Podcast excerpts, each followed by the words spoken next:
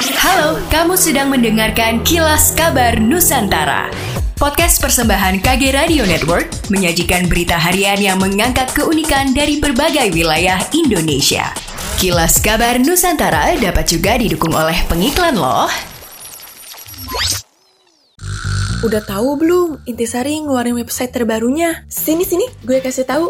Buat kamu yang suka cerita kriminal dari penjuru dunia, ini waktunya kamu cek website premium terbaru dari Intisari, Intisari Plus, yang diluncurkan pada Selasa 1 Maret 2022. Pasti penggemar Intisari banyak yang bertanya, apa bedanya dengan website Intisari yang sebelumnya?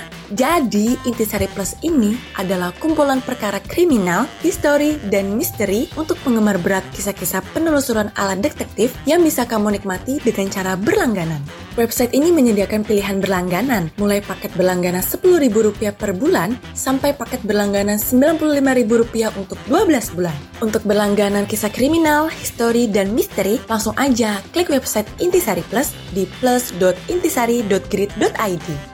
Oh iya, sampai lupa, Intisari bakalan kasih kamu promo diskon up to 50% untuk berlangganan majalah Intisari di atas satu bulan melalui gridstore.id.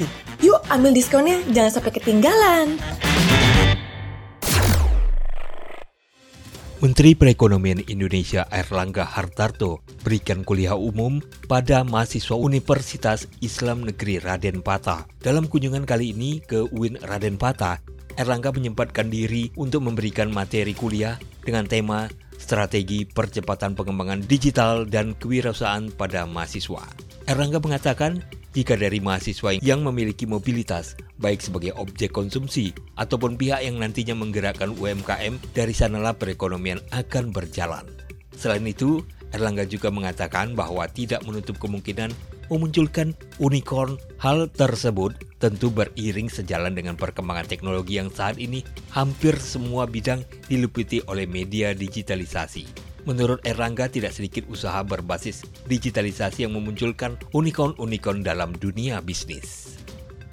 Kilas kabar pertama tentang Pemkot Surabaya pastikan ketersediaan vaksin booster atau dosis 3 aman Kepala Dinas Kesehatan Kota Surabaya Nanik Sukristina mengatakan vaksinasi booster masih berjalan sampai sekarang dengan menggunakan stok yang ada yaitu jenis Pfizer. Ia menyampaikan sebelumnya Wali Kota Surabaya telah berkirim surat ke Kementerian Kesehatan RI terkait suplai vaksin dan Surabaya dijanjikan akan mendapatkan alokasi distribusi vaksin jenis Moderna dengan jumlah 600 vial. Menurutnya setelah diupdate pada 4 Maret kemarin Dinkes Surabaya masih menunggu alokasi tersebut tiba dan sebelumnya juga telah mengajukan permohonan alokasi vaksin Pfizer ke Kemenkes untuk kebutuhan booster COVID-19 bagi lansia dan masyarakat umum sejumlah 26.654 vial.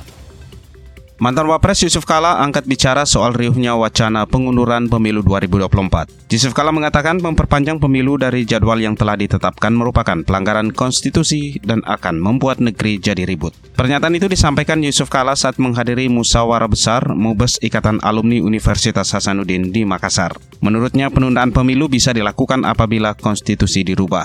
Yusuf Kala juga mengemukakan konstitusi sudah mengamanatkan pemilu digelar lima tahun sekali. Dia khawatir wacana penundaan pemilu berujung masalah karena adanya pihak yang ingin mengedepankan kepentingan sendiri. Sebelumnya ide penundaan pemilu 2024 muncul belakangan tidak lama setelah pengumuman jadwal pemilu 2024.